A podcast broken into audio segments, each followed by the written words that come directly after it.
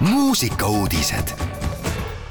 Raadio Elmar muusikauudistega on eetris Henri Laumets kaks tuhat kakskümmend neli on kultuuririkkuse aasta. kultuuriministeerium ja Integratsiooni Sihtasutus avasid eile kultuuririkkuse aasta.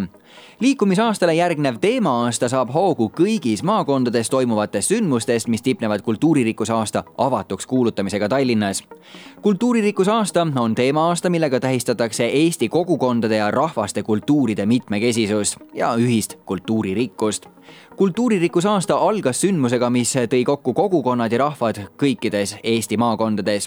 kolmeteistkümnendal jaanuaril ehk eile kuulutas kultuuriminister Heidi Purga Tallinna Muusika- ja Balletikoolis uue teema-aasta avatuks ja liikumisaasta meeskond andis vastava tiitli üle kultuuririkkuse aasta eestvedajatele täpset infot kultuuririkkuse aasta ning selle avasündmuste kohta leiab teema-aasta kodulehelt kultuurilikkus.ee Eesti muusikaauhinnad kaks tuhat kakskümmend neli gala osad esinejad on juba avalikustatud. esimesel veebruaril Unibet Arenal toimuval muusikute aastasündmusel Eesti muusikaauhinnad kaks tuhat kakskümmend neli gala esimesed esinejad on Aalika, Bedwetters ja Nööp lisaks astub suure erinumbriga üles panus Eesti muusikasse auhinnasaaja Marju Länik.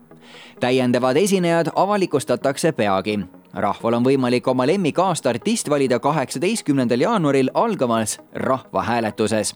täiendavat infot leiab veebilehelt muusikaauhinnad.ee ja lõpetuseks, Anne Lohol ilmus värske singel. kaheksandal jaanuaril ilmus Anne Lohol uus laul nimega Suured plaanid, mille muusika ja sõnade autor on lauljatar ise lauljatar kommenteeris uut laulu, et aasta alguses on kõigil palju plaane ja mõned on neist suuremad kui teised. laulu sõnum on lihtne, kõik teekonnad saavad alguse esimesest sammust ja tuleb astuda see esimene samm. loo produtseeris Lenni Lavida ehk Lauri Lembinen Anne Lohole soovime palju õnne hiljutise sünnipäeva puhul ja tähistame seda tema uue looga Suured plaanid. mõnusat kuulamist muusikauudised igal laupäeval ja pühapäeval kell kaksteist, viisteist